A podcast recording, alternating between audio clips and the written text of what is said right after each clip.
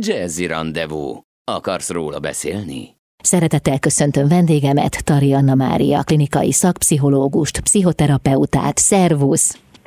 Szervusz, szeretettel köszöntöm én is a hallgatókat. Ma a narcisztikus párkapcsolatokról lesz szó, illetve magáról a narcizmusról, valamint a narcisztikus személyiségzavarról, amiről olyan sokat hallunk mostanában. Tehát én azon törtem a fejem, hogy lehetséges, hogy most több narcisztikus van, vagy jobban előtérbe kerül, vagy mitől lett most ennyire fókuszban ez a téma?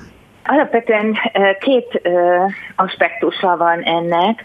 Az egyik az az, hogy mondjuk így egyszerűen fogalmazva tényleg több lett, de ez igazán nem az elmúlt két-három év, hanem az elmúlt húsz év, akkor már a pszichoanalitikus szakirodalomban megjelenik, hogy ahogy egyre fejlettebb a társadalom, megjelennek az információ technológiai eszközök, nagyon erősen elkezd atomizálódni a társadalom, tehát mindenki hajtja a saját boldogulását, a pénzt, ami nyilván nagyon fontos, de ezen közben ugye nagyon sokszor azért így csökkenti a közösségi létet és a szociális vagy társas kapcsolatoknak a fontosságát, hogy ebben a térben nagyon hamar megjelennek azok a karakterjellemzők, amik úgy tűnik, hogy segítik az ilyen légtérben mondjuk az előrehaladást.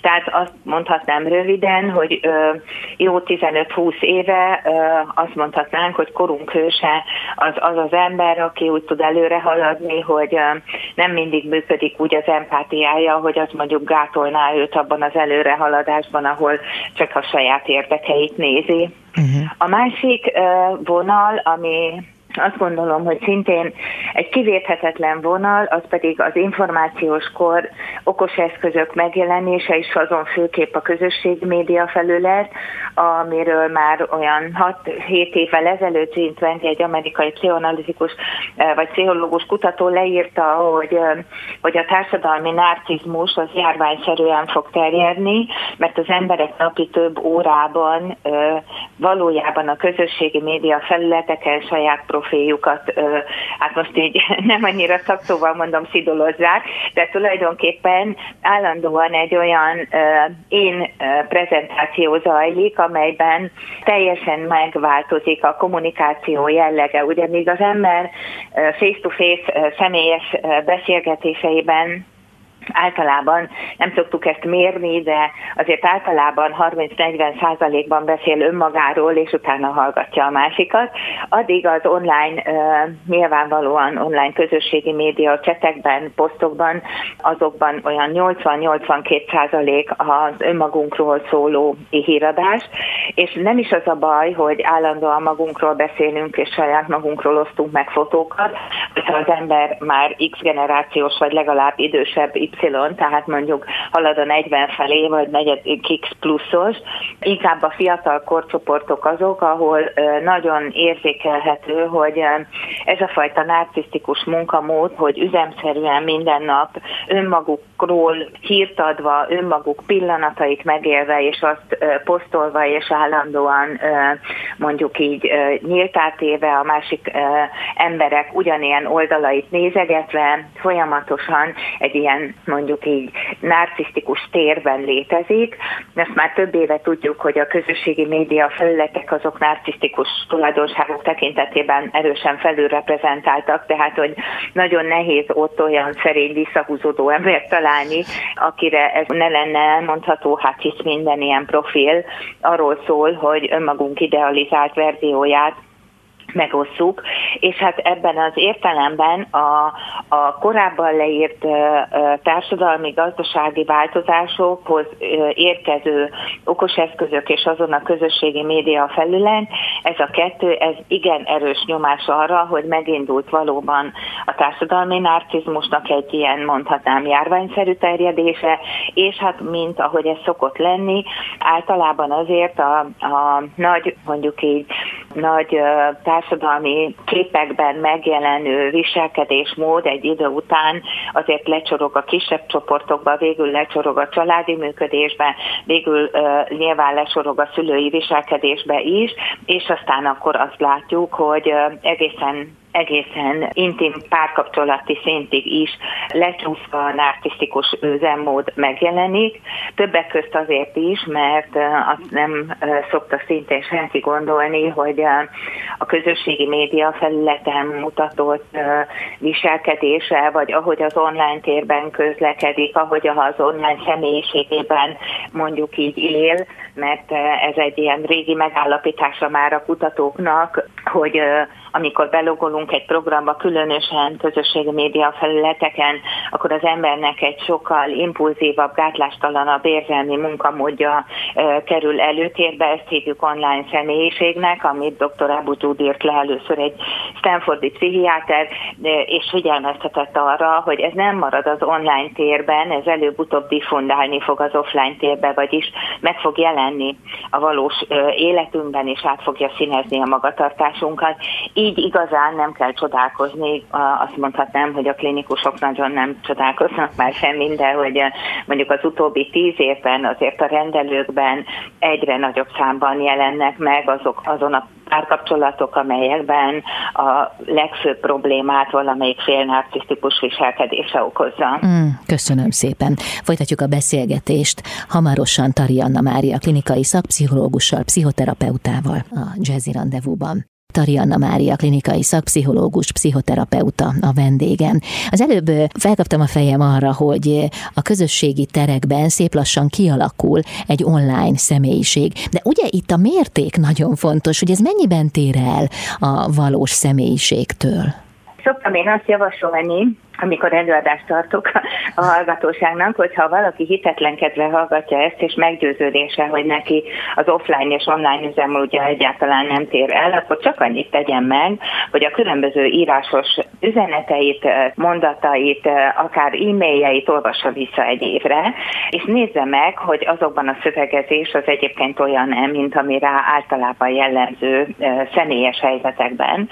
Mert hát azt mindenki azt gondolom átélte már, hogy hogyha az ember rossz időben, most a rossz időt ezt értjük úgy, hogy érzelmileg egy kicsit feszültebb állapotban kap valamilyen írásos megkeresést, vagy valamilyen beszólást, vagy egy baráttól egy félre sikerült kérdést, akkor, hogyha klaviatúránk van, vagy érintőképernyőnk, akkor egyébként sokkal hamarabb leírjuk, hogy te hülye vagy, vagy, vagy hogy mégis mit képzelsz, mint ahogy valószínűleg ezt nem mondanánk feltétlenül, hogyha az illető ott állna előttünk. Tehát, hogy van egy ilyen könnyítés nyilván ilyen mondjuk képernyő képernyő közötti kapcsolati térnek köszönhetően, hogy a másiknak nem kell a szemébe néznem.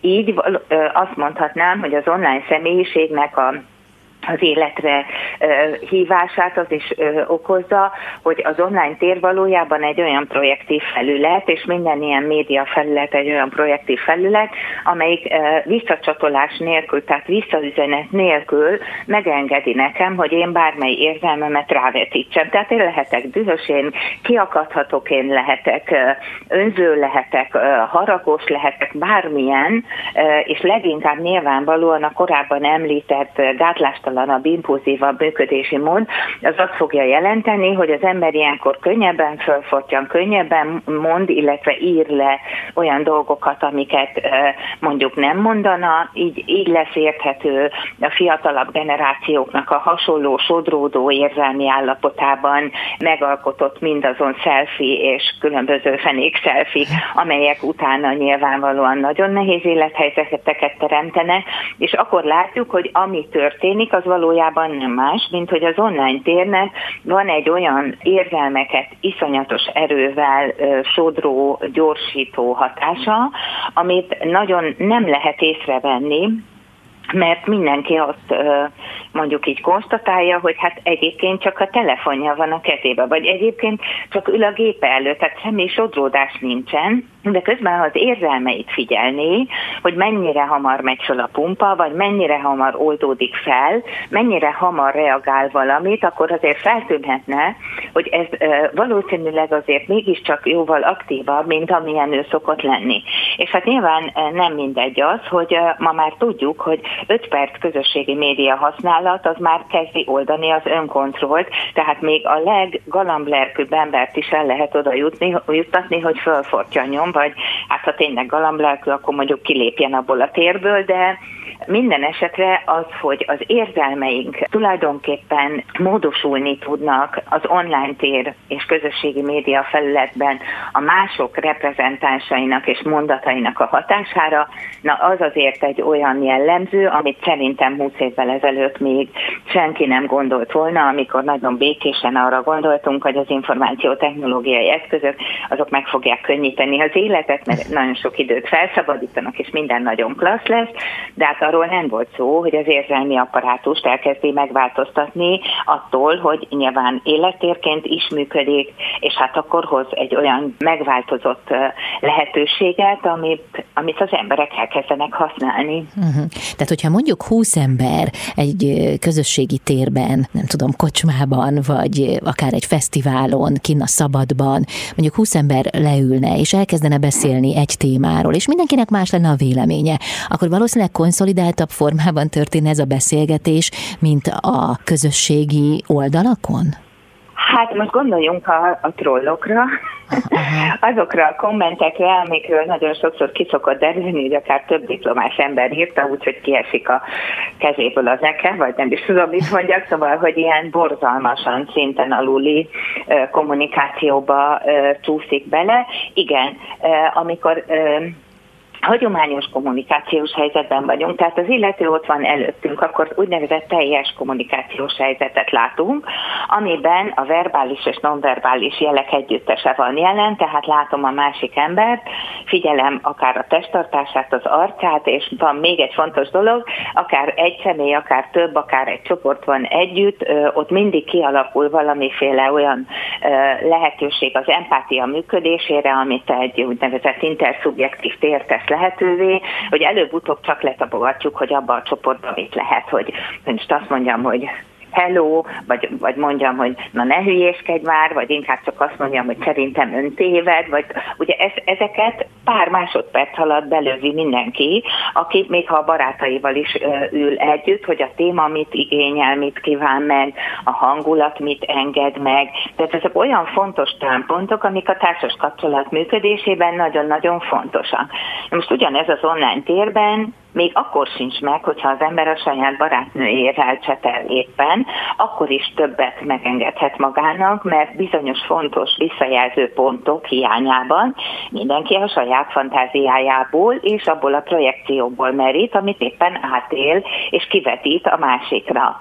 Hát ugye ezért szokták azt mondani a klinikusok, hogy 3 millió emoji lehet, amit fel tudnánk használni az érzelmeink közlésére, mind kevés lesz, mert az érzelem mégiscsak egy árnyalt, bonyolultan mintázott közlés mondjuk egy másik ember felé, aminek, hogyha négy emojival fejezzük ki, akkor is nagyon szűkített vagy redukált lesz a tartalma, és nem azt fejezi ki, amit tényleg gondoltunk vagy akartunk. Uh-huh. De hát pont ez a probléma a mostani akár párkapcsolat kapcsolatokban, akár általában társas kapcsolatokban, hogy eh, ha nagyon meglő az online térben átélt élmények súlya, és nagyon mondjuk így eh, teret nyer a NetSpeak, eh, ami különösen a fiatalabb generációknál már láthatóan azért a verbális készségeket is befolyásolja, akkor azért előbb-utóbb valamilyen módon a valós élet párkapcsolati társas terében olyan csalódott vagy rossz ízű, kicsit diszfóriás állapotok felüthetik a fejüket. Ezt látjuk akkor, amikor, amikor a mai 20 évesek párkapcsolatairól olvasunk, hogy milyen bizalmatlanok, mennyire félnek, mennyire nem tudják néha letapogatni a teret vagy a kontextust, amiben vannak, és hogy mennyire tétovák tudnak lenni, miközben ez az egyik legszebb életkor, amikor még nagyon kéne élvezni a szabadságot és egy csomó klassz dolgot. Hmm, köszönöm szépen. Tarianna Mária, klinikai szakpszichológus, pszichoterapeuta a vendégem. Jövünk mindjárt vissza. Jazzy Rendezvous. Érzelmek, történetek, gondolatok.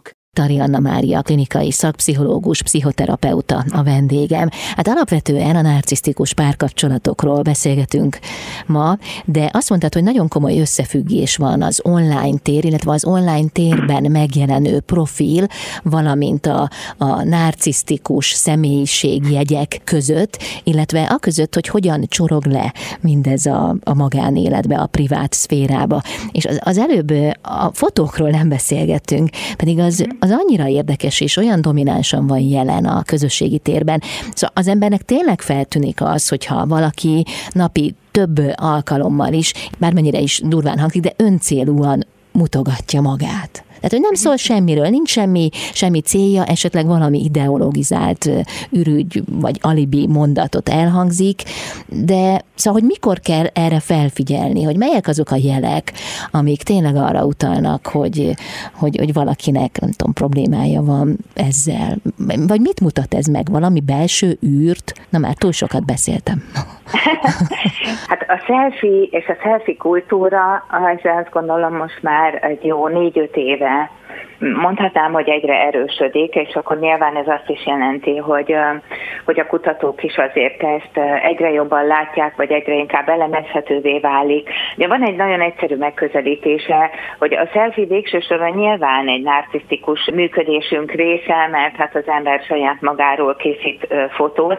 Gondoljunk bele, milyen vicces lenne, hogy a galériánkban lévő összes magunkról készült fotót, hogyha áttennénk most ugye az offline térbe, és akkor elmennénk mondjuk egy barátnőnkkel kávézni, és vinnénk három óriás szatyorban azt, a, azt az öt albumot, ami a saját fotóinkat tartalmazza, mennyire látszana, hogy ott a kávésasztalon alig fér el az öt album, hogy ez valahogy nagyon fura, és mennyire a társadalmi normatíva része lehet, hogy két, két ember összehajol, mutatja egymásnak az okos telefonját, és pörgeti rajta a galériáját, hogy nézd, itt voltam körmösnél, nézd, ez itt az új hajam, nézd, és akkor vettem ezt a ruhát, nézd, így siráloztam ki a szemem, nézd, nézd, és ebben a működésben egyfelől azért is hangsúlyoztam így, mert nyilván érződik egy egészen kisgyerekes öröm utáni vágy, ez azért mondom, hogy kisgyerekes, mert néha azt gondolom, hogy ez nincs nagyon távol a kisgyerekkor igazi örömeitől, amikor, amikor az ember felkiáltott anyukájának, amikor életében először ült a kismedencébe, és nem vágódott benne hanyat, hogy nézd, anya, tudok úszni. Tehát, hogy valamiféle képesség és szeretet utáni vágy van benne, de hát benne van az a fajta önértékelési mínusz is sajnos, amelyik mondjuk, ha egy jelenetben képzeljük el, akkor az úgy néz ki, hogy vegyünk egy tizennévest, akinek elég pocsék kedve van, nem nagyon tud mit csinálni, lehet, hogy aznap nem is találkozik senkivel, hirtelenjében olyan üres az élet, és itt ugye zárójelbe tegyük, hogy, hogy az egy nagyon nehéz helyzet, hogy egy mai tizenéves, hogyha nem a telefonban a kezében, akkor így hirtelen nem is tudja, hogy mit lehetne csinálni, mert akkor most így mit. Tehát, hogy mondjuk ez a tizenéves, hogy feldobja a saját hangulatát, akkor csinál egy, szépen kifesti magát, és csinál egy selfie-t és akkor azt így megnézi, hogyha elégedett vele, és ugye ez egy hosszú munka, mert gyakran 30-40 képből kell kiválogatni azt az ötöt, amit megfilterez, és akkor abból lesz az a három, ami már befutó, és akkor abból azt a kettőt felteszi. Tehát, hogy nem olyan egyszerű dolog ez, de hogy ezen közben a végeredménnyel ő pár másodpercig elégedett. Egészen addig, amíg az a szorongás meg nem érkezik, hogy na most akkor a többiek lájkolják, vagy sem. És hogyha lájkolják, akkor az egy jó érzés. Na ezt hívjuk kívül hordott önértékelésnek, amikor a selfie az oda vezető út valami olyan érzelmi infúzióhoz, amit egy másik embertől kell megkapni. Ez a 21. században azért egy tragédia, én szerintem, mert eh, mérhetetlenül igazságtalan minden fiatallal és gyerekkel, aki már így a Web 3, Web 4 világába születve az okos telefonnal a kezében nem is tud elképzelni másfajta életet. Tehát egy olyan életben van kihúzva alóluk az a szőnyeg, ahol az önértékelés, önbecsülés, önbizalom triásza kellene, hogy lassú fejlődéssel biztonságot adjon még. Egy olyan világban veszítik ezt el, amikor a legnagyobb szükség lenne rá. Na most a, így a kívülhordott önértékelés az infúzióként megkapható, másoktól beszerezhető pozitív visszajelzések nyilvánvalóan ö, szituatív segítséget fognak csak nyújtani, mert nem tart ez órákig ennek a hatása, és akkor újra kell csinálni, és újra, és újra. Most nyilván rengeteg, az utóbbi szerintem egy-másfél évben rengeteg olyan videó is volt, különböző mémek keringtek, ahol azt látjuk, ugye a, ugye a selfie készítés, okostelefon a kézbe, az már mindenhol ott van mondjuk a párkapcsolatokban is, hogy, hogy miközben csókolózik az ifjú pár, a fiú vagy a lány egyébként a saját selfie készíti, szóval, hogy, hogy olyannyira annyira befurakszik az okostelefon az intim pillanatokba és helyekbe, hogy szinte jogot követel, de ez ugye csak azért történhet meg, mert a selfie iszonyatosan fontos lesz. És akkor itt persze muszáj azt elmondani, hogy a párkapcsolatokban akkor a közösségi média jelenléte nyilvánvalóan egyre fontosabb, és már három éve is azt láttuk, hogy tulajdonképpen a fotó nem csak a selfie áll, hanem egy párkapcsolat igazi official megerősítése az egy közös Insta vagy Facebook fotó lesz. Hm, köszönöm szépen. Tarianna Mária, klinikai szakpszichológus, pszichoterapeuta a vendégem. Jövünk mindjárt vissza.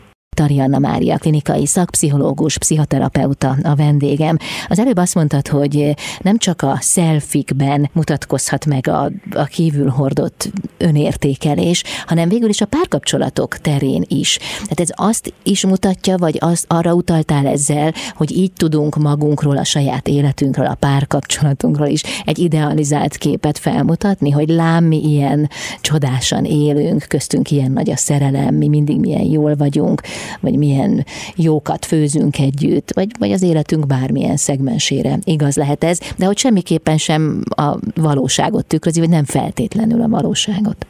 Egyrészt igen, másrészt, ha még ha a valóságot is tükrözni, azért az ugye mégiscsak nagyon furcsa, és Zuckerbergnek direkt mondom így, e, mégiscsak ezek szerint igaza volt abban, hogy az emberek ennyire exhibicionisták, hogy mindenki nagyon szereti megmutatni, ami a van, nyilvánvalóan egy infantilis érzelmi munkamódban, tehát az előbbi e, nézdanya e, kisgyerek pozícióban. Igen, felnőtt emberek párkapcsolatban élve azt gondolom, hogy két alapvető működésmódban élhetnek, vagy tényleg az van, hogy a képek, a megosztott fotók azért kellenek, mert muszáj a, muszáj a közönség visszaigazolásával igazoltatni a kapcsolatot, tehát saját maguk számára is valahogy pozitívvá tenni azt a képet, ami lehet, hogy belül nem annyira jó, és akkor az van, hogyha irigyelnek minket, akkor azért az úgy mégiscsak egy jó érzés, mert akkor nekünk mégiscsak van van párkapcsolatunk. Ugye ez a hiperkonnektivitás, tehát állandó kapcsolatban levés, összemérés, rivalizálás terepén, ez a nekem van párkapcsolatom, meg is mutatom milyen klassz működésmódban nyilvánvalóan azért egy rivalizációs helyzetet teremt mindenki más számára, akinek nincs vagy nem olyan, és hát akkor persze azt látjuk, hogy szintén a, a megosztás tulajdonképpen a megszerezhető jó érzésekért folyik. Egy másik ennél azt gondolom nehezebb helyzet, amikor egy párnak valahogy egész egyszerűen szüksége van arra a fajta érzésre, hogy ők így léteznek. Tehát ez nagyon furcsa jelenség, hogy hogy külső képek szükségessége azért sokszor azt mutatja, hogy mondjuk ilyen, most ilyen pszichoanalitikus fogalommal élve, hogy a belső képek nem annyira működnek. Ugye azért az információs kor előtt is, ezt szakirodalmi adatokkal lehet alátámasztani, hogy léteztek párkapcsolatok, tehát hogy így létezett ilyen. Tehát volt, volt az embereknek magánélete, és nem, tehát amikor létrejött egy párkapcsolat, akkor lehet, hogy az embereknek meg tudta ezt három-négy barátja, de nem tudta meg 30-40.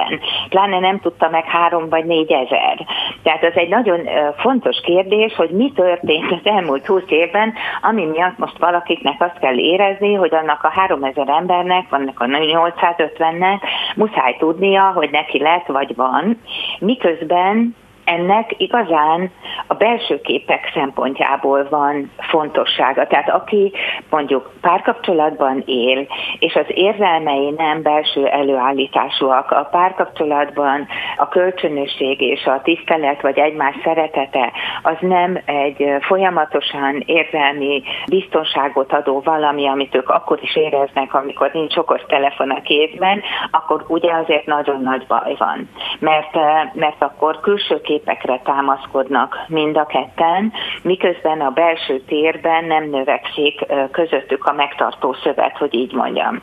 És ez csak abból a szempontból fontos, hogy tulajdonképpen mire felnőtt korra az ember valahogy kititrálja azon párkapcsolatát, amiben aztán tényleg azt érzi, hogy le tud a másik mellett élni egy egész életet, mert mondjuk nem az a mázlista, aki 18 éves korában megtalálta azt a valakit, akivel együtt maradt 70 évig, ugye ezt látjuk az utóbbi tíz évben, hogy minden második vagy harmadik házasságvállással végződik, tehát ugye ebben, a, ebben az űrös helyzetben nagyon, amúgy is látjuk, hogy nehezen formálódik a bizalom, a kötődés, akkor, akkor ha ebbe beékelünk egy ilyen lehetőséget, hogy a belső képek kitettsége az adja a bizalmat, nem pedig a belső képek bentartása, akkor azt látjuk, hogy ez egy ingoványos talaj lesz, olyan ingovány, amiben egyre több, egyre több szintén külső megerősítés kell majd. Hmm. És akkor nyilván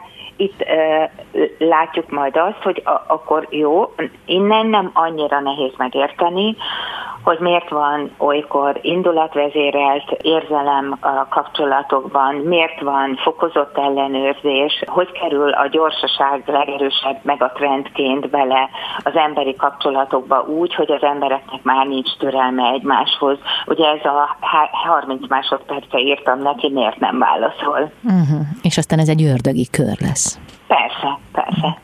Tarianna Mária, klinikai szakpszichológus, pszichoterapeuta a vendégem. Jövünk mindjárt vissza.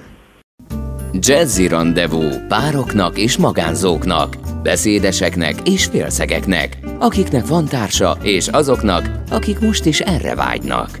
A Jazzy Rendezvú egy olyan hely, ahol bárki elmondhatja történetét, vagy meghallgathatja másokét. Azután ki tudja, talán lesz egy hang, ami ő hozzászól. Jazzy Rendezvú Bálint Edinával minden vasárnap este 9-től a 90.9 Jazzin. Tarianna Mária, klinikai szakpszichológus, pszichoterapeuta a vendégem. Eddig leginkább az online térben való megjelenésről beszélgettünk, de mi a helyzet a valóságban, illetve ha valakit a közösségi oldalakon keresztül ismerhetünk meg, akkor milyen jelek figyelmeztetnek arra, mondjuk, hogy ő narcisztikus személyiség? Egyáltalán ez mit jelent? Még nem is definiáltuk. Hát alapvetően ennek van civil, meg hát nyilván klinikai igazi diagnosztikus definíció is, ja is, ami azt jelenti, hogy mindannyiunkban benne van a narcisztikus működés, ez egy egészen korai kapcsolatunkban formálódó, tehát az anya-gyerek kapcsolattól már formálódó érzelem, valójában a saját érdekérvényesítésről szól, egy kiegyensúlyozott korai anya-gyerek kapcsolatban nyilván ez optimálisan fejlődik, fejlődik, és, és az illető képes lesz úgy kötődni, hogy abban empátiával vesz részt, és, és kölcsönösséget igényel, és, és az érzelmeit adni is tudja, és fogadni is tud, megközelíthető ő érzelmileg, tehát hogy lét, létre tud jönni úgy párkapcsolata, hogy abban a másik ember sem megnyomorítva, sem kihasználva, sem lealázva, sem semmizve nincsen, hanem partnerként vannak jelen egymás életében. Ha a narcisztikus működés az erőteljesebb, ugye akkor ez el tud futni. A narcisztikus személyiségzavarig, az van a kontinum legvégén, ami már egy nagyon klinikai, hogy úgy mondjam, nagyon erősen klinikai diagnózis, akkor ott azt látjuk, hogy az a korai anyagyerek kapcsolatban nagyon sok csalódás az érzelmi szükségletek fel nem ismerése mentén. Egy olyan anyai érzelmi szükséglet kielégítés hiány vagy érzelem megvonás történik, aminek következő következtében egy gyerek lelkében, azért, mert a szülőre tabula ráza vonatkozik, tehát a szülő sosem hibáz, tehát nyilván ez így nincs kimondva, csak bárki visszaemlékezhet gyerekként, hogy kiskorunkban sose azt gondoljuk, hogy hogy az anyánk hülye azért, mert elvette a labdát, hanem nyilván elvette, mert rossz voltam. Tehát, hogy ebben az értelemben a narcisztikus védekezés egyszer csak átveszi a helyét annak az én védelemnek, aminek a mentén aztán azt látjuk, hogy a korai érzelmi hiányok következtében egy narcisztikus páncél képződik az illetőnek mondjuk így az énje körül, és akkor azt lehet látni már mondjuk tinédzser korban valakin, hogy, hogy meglehetősen bizalmatlan ártatlan, nagyon nehezen kapcsolódik. Lehet, hogy önteltnek is látszik, meg önhitnek, de ez nem feltétlenül egy ilyen nagyon látványos jel, de minden esetre, hogyha nagyon erőteljes ez a belső hárítás, ami főleg párkapcsolatokban férfiaknál a nőkkel szembeni mély bizalmatlanság, ugye az anya alakja miatt, fordítva nőknél pedig nyilván ez lehet az apa alakja, de ott is azért az anya érzelmei nagyon fontosak, tehát minden esetre ez a narcisztikus páncél, ez tud aztán olyan erősé válni, hogy karakterpáncélt képez, vagyis akkor már a narcisztikus tulajdonságok a viselkedést elősebb meghatározó jellemvonássá is változhatnak, és akkor látjuk azt, hogy az illető szinte egy kiállhatatlan figura, aki gyakorlatilag a másikat élni se hagyja maga mellett, ennek különféle formái vannak nyilván, tehát most nem arra kell gondolnunk, hogy, hogy kergetik egymást az udvaron a nagykéssel, hanem azokra az akár verbális, agresszív módokra, ahogy akár egy férfi nagyon megalázott pozícióban tud tartani egy nőt akár hosszú évtizedekig, úgyhogy teljesen kihúzza alóla az önértékelését és az önbecsülését. Női karakter is létezik ilyen, tehát elő tud fordulni, hogy ilyen szempontból a férfi lesz az áldozat. Ami az ő megjelenésüket illeti a közösségi médiában, általában azt szoktuk látni, hogy, hogy ismerkedős párkapcsolati helyzetben azért amire érdemes figyelni, hogyha az illetőnek a galériája csak saját magával van tele, és nagyjából és egészében mondani valója 99%-ban saját magáról szól, elfelejt kérdezni, vagy ha mégis megtette, akkor a választ lényegében nem vár, mert erről rögtön eszébe jut valaki, vagy valami. Tehát, hogy amikor azt látjuk, hogy tulajdonképpen az ő saját világának fókuszában vagy origójában állandóan ő önmaga van, és a másik emberre még csak kitekinteni is, is alig képes, az, az azért mégiscsak legyen gyanús. Ugyanígy szokott az előfordulni, hogy nők azért kerülnek bele ebbe a, a párkapcsolati csapdába, mert egy narcisztikus férfi olyat tud mutatni, amit csak a hollywoodi filmekben van, szóval a havas hegytetőn a, a megrakott tábortűz mellett a vödörbe behűtött peskőtől elkezdve minden szép filmjelenetet elképzelhetünk. Az igaz, hogy utána valami rettenet következik, de hogy nagyon sokszor az a nő, aki egy ilyen helyzetben benne marad, és hát nyilván ehhez az is kell, hogy neki is legyenek kötődési problémái, az azért azt mondja, hogy tulajdonképpen abban a mérlegben, ahol a különlegesség van, meg a hétköznapiság, azért mégiscsak fontos, hogy a különlegesség serpenyője legyen a súlyosabb, és akkor ez neki elég, de közben hát nem elég, mert az a férfi, aki rettenetesen különleges, az elő tud állítani egy olyan szépet, ami nincs is, és hát azt kell mondjam, hogy, hogy párkapcsolati téren, meg úgy általában sokszor az életben is igaz az, hogy, hogy ami annyira nagyon szép, hogy nem igaz, hogy szinte nem igaz, az valószínűleg nem is igaz. Vagyis egy vetítés. Aha.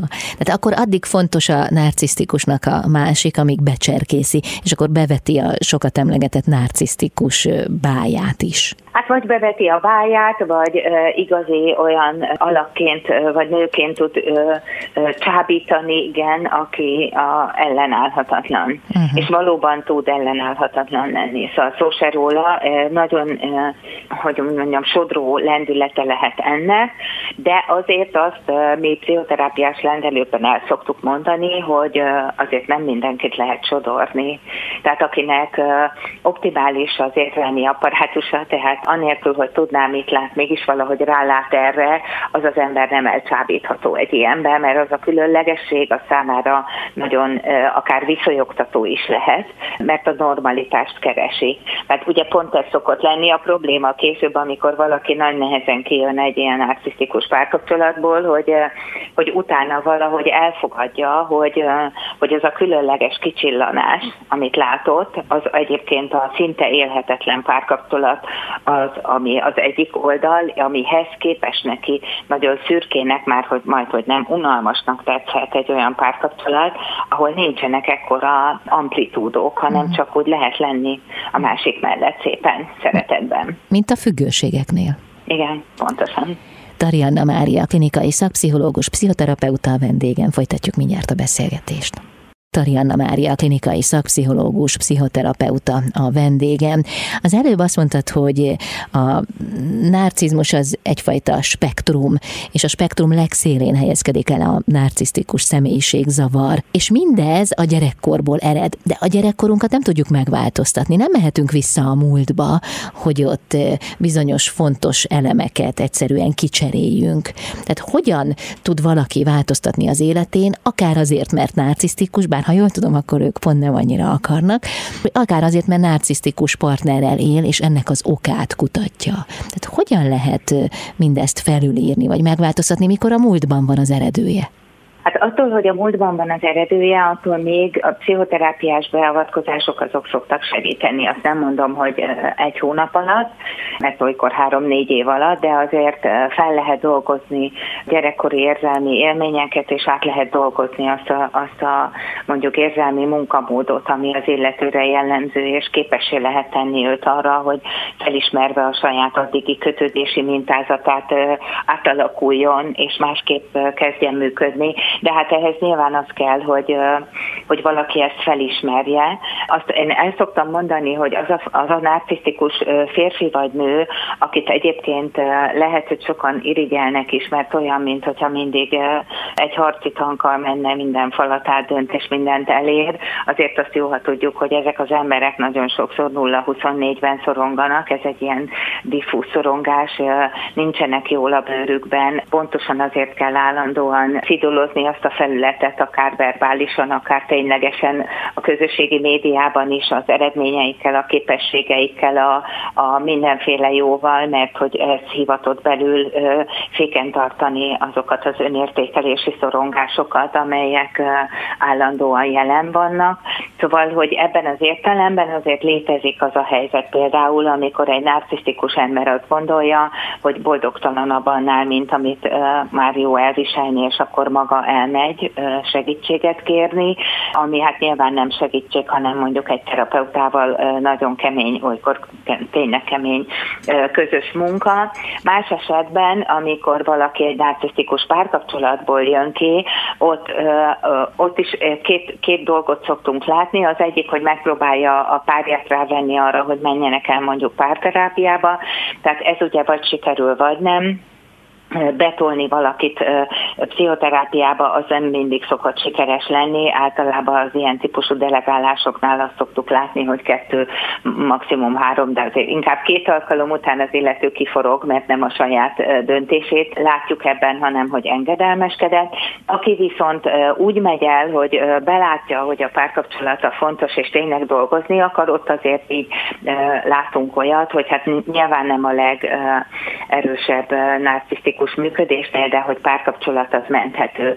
Ha viszont valaki azt gondolja, hogy ebben, ebben nem lehet már így élni, akkor nyilván neki kell, és érdemes segítséget kérnie, ami nem csak arról szól, hogy hogy jön ki ő ebből a párkapcsolatból, hanem adott esetben arról is, hogy hogyan ne menjen egy ugyanolyanba bele, hát hisz a tudattalan párválasztási szempontjai azok valószínűleg nem, nem változtak azóta, hogy, hogy ebben a kapcsolatban kapcsolatban volt, tehát valamiért ő nyilván ebben azért a saját kötődési problémák, az önértékelés negatívumai, az én kép negatívumai mindig benne vannak, hogy, hogy, hogy képes volt kibírni bármennyi ideig is egy olyan emberrel a párkapcsolatot, aki mondjuk a saját jó érzését azt ő belőle merítette, és ő így folyamatosan alárendelődött. Ugye ez csak egy olyan valaki tudja tudja megtenni, akinek például a, a saját kora gyerekkora is arról szólt, hogy meg kellett harcolnia az anyja vagy az apja szeretetéért. Uh-huh. Ez különösen jellemző azon családokban, ahol az apák vagy az anyák szeretet megvonással büntetnek. Uh-huh. Tehát ez a, a rossz voltál, nem szeretlek, mint ilyen legrosszabb, és a személyiség érzelmeit, apparátusát leginkább károsító szülői működés. Na hát ennek lesz az az eredménye, hogy valaki felnőtt korában egy olyan párkapcsolatban találja magát, ahol ezt a korai mintázatot tudja ismételni.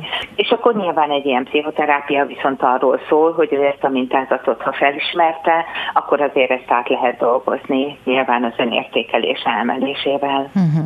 Köszönöm szépen, nem sokára arról is beszélgetünk, hogy mi történik a hollywoodi jelenet után, az ismerkedés után, tehát milyen narcisztikus játszmákra érdemes odafigyelni egy kapcsolaton belül. Tarianna Mária, klinikai szakpszichológus, pszichoterapeuta a vendégem a Jazzy Rendezvúban. Jazzy Rendezvú. Néha csak egy szó kell, néha csak egy mondat. Tarianna Mária, klinikai szakpszichológus, pszichoterapeuta a vendégem. Az előbb arra világítottál rá, hogy nem véletlen az, hogy hogyan talál egymásra a narcisztikus és a partnere, illetve hogy milyen partnereket vonz magához a narcisztikus, tehát hogy miért választják egymást. De mi történik, térjünk vissza a kezdetekhez, a megismerkedéshez, mi történik a hollywoodi filmjelenet után? Tehát mikor jön a kiózanodás, vagy a felébredés pillanata? Hát vagy az a jó, ha hamar, rossz esetben akár tíz év múlva, de igazán vannak ám jelek, amiket látni lehetne, csak az a baj, hogy a hollywoodi képsorok után a prózai valóságban megélt, már rossz, agresszívabb, indulatvezéreltebb, szeretetlenebb, üresebb, érzelmileg negatív, mondjuk otthoni jelenetek alatt, akár egy nő, akár egy férfi általában abba az egészen egyszerű emberi hibába esik, amit úgy hívunk, hogy önigazolás, hogy annyira szeretné mondjuk a párkapcsolatot, hogy azt mondja, hogy á, lehet, hogy ezt én láttam, nem is volt olyan. Tulajdonképpen ez nem is volt olyan rettenetes mondat, én is hozzátettem a magamét, ugye? És akkor látjuk, hogy ö, folyamatosan hígítva van a másik oldal felől érkező narcizmus, és szelidítve rossz hangulattá, táradtságá, feszültségé, nem tudom én. És akkor így ennek van egy olyan folyamánya, hogy erre az illető rá tud tanulni, hogy ezzel balanszolja ki a saját fájdalmát a folyamatosan igazolással, és akkor így tulajdonképpen be tudnak állni ők egy olyan életformára, ahol akár az van, hogy sorozatos verbális bántások után vannak szünetek és ajándékok, vagy, vagy még ez sincs, hanem folyamatosan egy semmilyen érzelmi helyzetben vannak. Néha vannak lehet remek élmények, de azok tényleg minden szökő évben. Szóval mindig a, a másik fél, tehát a nem narcisztikus fél viselkedésén is múlik az, hogy, hogy a másik társ mit enged meg magának, mert tehát minden párkapcsolatban lezajlik egy tanulási folyamat az elején, csak nem tudunk róla, amikor a felek egy sose le nem írt könyvben a, tulajdonképpen a működési szabályokat, a normákat, azokat lefektetik, hogy mit lehet megtenni, meg mit nem lehet megtenni. És nyilván egy narcisztikus ember ezeket a határokat folyton tologatni fogja, az már egy nagy kérdés, hogy ezt az elején valaki észreveszi, és azt mondja, hogy ne, vagy nem veszi észre, mert tulajdonképpen nem mer szólni, vagy nem akar szólni, vagy egyszerűen nem akar egyedül lenni, uh-huh. és akkor így benne uh-huh. marad, és amikor váltani akar, akkor viszont nyilván össze kell szedni az összes bátorságát, hogy hogy azt mondja, hogy én ezt így nem bírom tovább csinálni. Uh-huh. Vagy akkor érzi magát elfogadhatónak, hogyha benne marad ebben a kapcsolatban, nem? Igen, igen, ez is elő tud fordulni, hmm. hogy, hogy már annyira, hogy ez a Stockholm szindróma, amit más helyzetekre szoktunk alkalmazni, azért egy kicsit talán, mint metafora itt is használható, hogy, hogy bele lehet annyira, hogy úgy mondjam, zsibbadni ebbe az élethelyzetbe, hogy hogy, hogy valahogy a valóság az teljesen eltűnik, és az irrealitás lesz a valóság, amit, amit aztán folyamatosan tulajdonképpen lát maga előtt valaki, és egyre inkább elbizonytalanodik, hogy, hogy most amit ő gondol, hát lehet, hogy ez a hülyeség. Uh-huh. Köszönöm szépen, nem sokára a kiútról is beszélgetünk Tarianna Mária klinikai szakpszichológussal, pszichoterapeutával a Jazzy Rendezvúban. Tarianna Mária klinikai szakpszichológus, pszichoterapeuta a vendégem. Hogyan lehet egy narcisztikus kapcsolatnak véget vetni, vagy egy narcisztikus kapcsolatot lezárni? Szóval milyen kimenetelei vannak? Hát az attól függ, hogy hány évteltel vannak, egy gyerekek? Nincsenek, hány évesek, maguk a párkapcsolat résztvevői is hány évesek, mit gondolnak magukról. Nyilván 30 év után sokkal nehezebb, mint 5 év után, és nyilván nehezebb mondjuk X generációsként az engedelmesebb fajta emberként, mint, mint egy kicsit önmagát jobban érvényesítő Y generációs tagként, de azért alapvetően nyilván a kimenekülés egy ilyen ilyen helyzetből, az lehet olyan, mint amilyen a hollywoodi filmekben tényleg van, ugye a, az egyágyban az ellenséggel egy ilyen abszolút kultfilmje a, a menekülés, a úszva menekülésnek, szóval, hogy kereshetünk tényleg ilyen filmeket, amiben effektíve menekülni kell, a másik ö, ö, helyzet az inkább nyilván az, amikor valaki számot vett azzal, hogy az életében már túl nagy árat fizetett azért, ahogy él, és, és nagyon szeretne máshogy élni, akkor viszont át először is döntést kell hoznia. És hogyha megvan a döntés, és ebben tud támogatókat szerezni, mert azért az fontos, hogy pont az előbb említett elbizonytalanodás miatt, mert egy narcisztikus ember, hogy úgy mondjam, mindig tudja, hogy a másik társán hol vannak a piros gombok, amin zongorázni tud, tehát egész pontosan tudja, hogy hogyan lehet a szorongásait előidézni, és azokat jól mondjuk így fel is erősíteni. Tehát ebben a helyzetben egy olyan rokon, vagy idősebb valaki, valaki a családból, aki, aki tud segíteni támogatással abban, hogy, hogy ne érezze magát egyedül, hogy, hogy képes legyen kitartani, hogyha megijedt vagy szorong, akkor lehessen valakinek ezt elmondani, az nagyon jól jön. Nyilván nagyon jól jön, hogyha uh, tud valaki akár pszichológust keríteni, vagy bármilyen olyan uh, segítséget, szakavatottat a, akár házi orvoshoz elmehet, hogyha nagyon szorunk, hogy medikális segítséget kérjen. Szóval, hogy mindenképpen szerintem azt jó tudatosítani, hogy nem kell egyedül megváltani a világot, hanem, hanem érdemes valakitnek a kezét megfogni, és akkor úgy erőt meríteni, mert azért pár év után egy ilyen párkapcsolat, az azért azt szoktuk látni, akár férfin, akár nőn, hogy, hogy amikor az önbecsülés becsülésre valakinek majdnem a nulla felé tendál, akkor nagyon sokszor elbizonytalanodik a saját döntéseiben, hogy egyáltalán neki van-e igaza, hogy most ez tényleg így van-e, vagy lehet, hogy ő teljesen rosszul látja, ez nincs is így, ugye akkor azt látjuk, hogy valójában a realitást kérdőjelezi folyton, ami a saját realitása. És hát azért az a legijesztőbb érzés, amikor valaki, valaki nem tudja, hogy hol van az ő élete, mik az ő érzései, mert már olyan régen szembesült vele, hogy neki egyáltalán lehetne ilyen. Uh-huh. Hát erre a felismerésre el kell jutni, és valószínűleg annál nehezebb, ahogy mondtad, minél több idő telik el.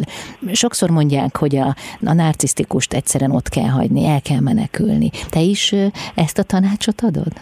Én általában azt szoktam mondani, hogy mindenkinek magának kell eldöntenie, hogy, hogy a, mennyire élhető az a, az a kapcsolat, amiben van, hogy, hogy hogyan érzi magát ő, meg esetleg a gyereke vagy a gyerekei, mit lát maga körül, és mire vágyna igazán. Nem, nem lehet nem, nem lehet általános szabályként kimondani, hogy tessék elmenekülni, mint ahogy az se lehet, hogy tessék maradni. Szerintem ez, a, az, ez mindig az illető szabad döntése kell, hogy legyen, hogy, hogy, hogy mit gondol, ha elképzeli magát három vagy öt év múlva, hogy, hogy, hogy hogyan él majd akkor. Uh-huh. Olyan, mintha az ember, a narcisztikussal élő ember elveszíteni a kapcsolatot önmagával.